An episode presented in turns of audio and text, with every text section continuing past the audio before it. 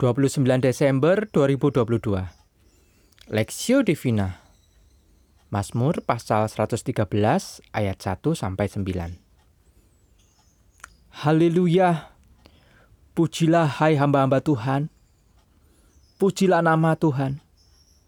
Kiranya nama Tuhan dimasyurkan sekarang ini dan selama-lamanya. Dari terbitnya sampai kepada terbenamnya matahari Terpujilah nama Tuhan Tuhan tinggi mengatasi segala bangsa. Kemuliaannya mengatasi langit. Siapakah seperti Tuhan, Allah kita, yang diam di tempat yang tinggi, yang merendahkan diri untuk melihat ke langit dan ke bumi? Ia menegakkan orang yang hina dari dalam debu dan mengangkat orang yang miskin dari lumpur, untuk mendudukkan dia bersama-sama dengan para bangsawan bersama-sama dengan para bangsawan bangsanya. Ia mendudukan perempuan yang mandul di rumah sebagai ibu anak-anak. Penuh sukacita. Haleluya. Siapakah yang seperti Allah perspektif? Kiranya nama Tuhan dimasyurkan sekarang ini dan selama-lamanya.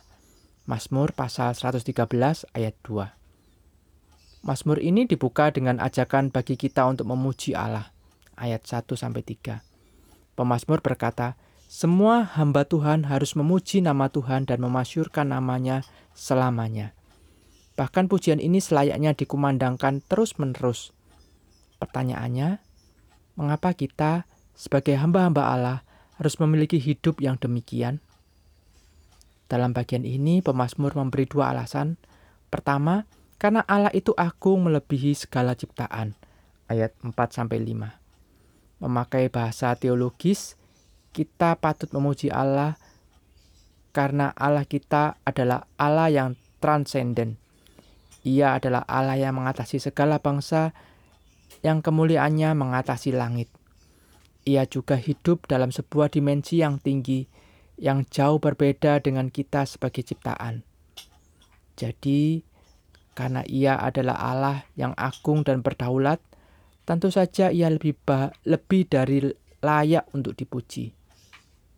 Alasan kedua, kita patut memuji Dia ialah karena Allah yang agung itu ternyata juga di saat yang sama adalah Allah yang peduli dengan kita. Ayat 6 sampai 9. Menggunakan bahasa teologis, kita patut memuji Allah karena ia yang transenden itu di saat yang sama juga pribadi yang imanen, yang dekat dengan kita. Pemasmur mencatat bahwa meski Allah tinggal dalam realitas yang agung, ia mau merendahkan diri melihat ke langit dan bumi dan berkenan memperhatikan apa yang terjadi di sekeliling kita. Ia menjadi pembela bagi mereka yang hina dan miskin ia juga membawa berkat dan perhatian bagi mereka yang tertindas dan terabaikan. Coba bayangkan Anda orang yang hidup di masa pemerintahan Saul. Sayangnya, wilayah Anda hidup termasuk dalam wilayah yang jauh dan miskin, sehingga Saul tidak banyak memperhatikannya. Akibatnya, banyak terjadi ketidakadilan dan tekanan pada orang-orang yang hidup di wilayah Anda. Ketika menjadi raja, Daud ternyata memilih memperhatikan wilayah Anda dan membebaskan Anda dan kaum Anda dari tekanan yang ketidak dari tekanan dan ketidakadilan yang terjadi. Jadi, bagaimana kira-kira perasaan Anda pada Daud? Ilustrasi ini tidak sempurna, tetapi setidaknya cukup untuk mengingatkan bahwa kita punya alasan yang kuat dan bersyukur pada Allah. Studi pribadi, pernahkah Anda coba menuliskan alasan yang membuat Anda harus bersyukur dan memuji Tuhan?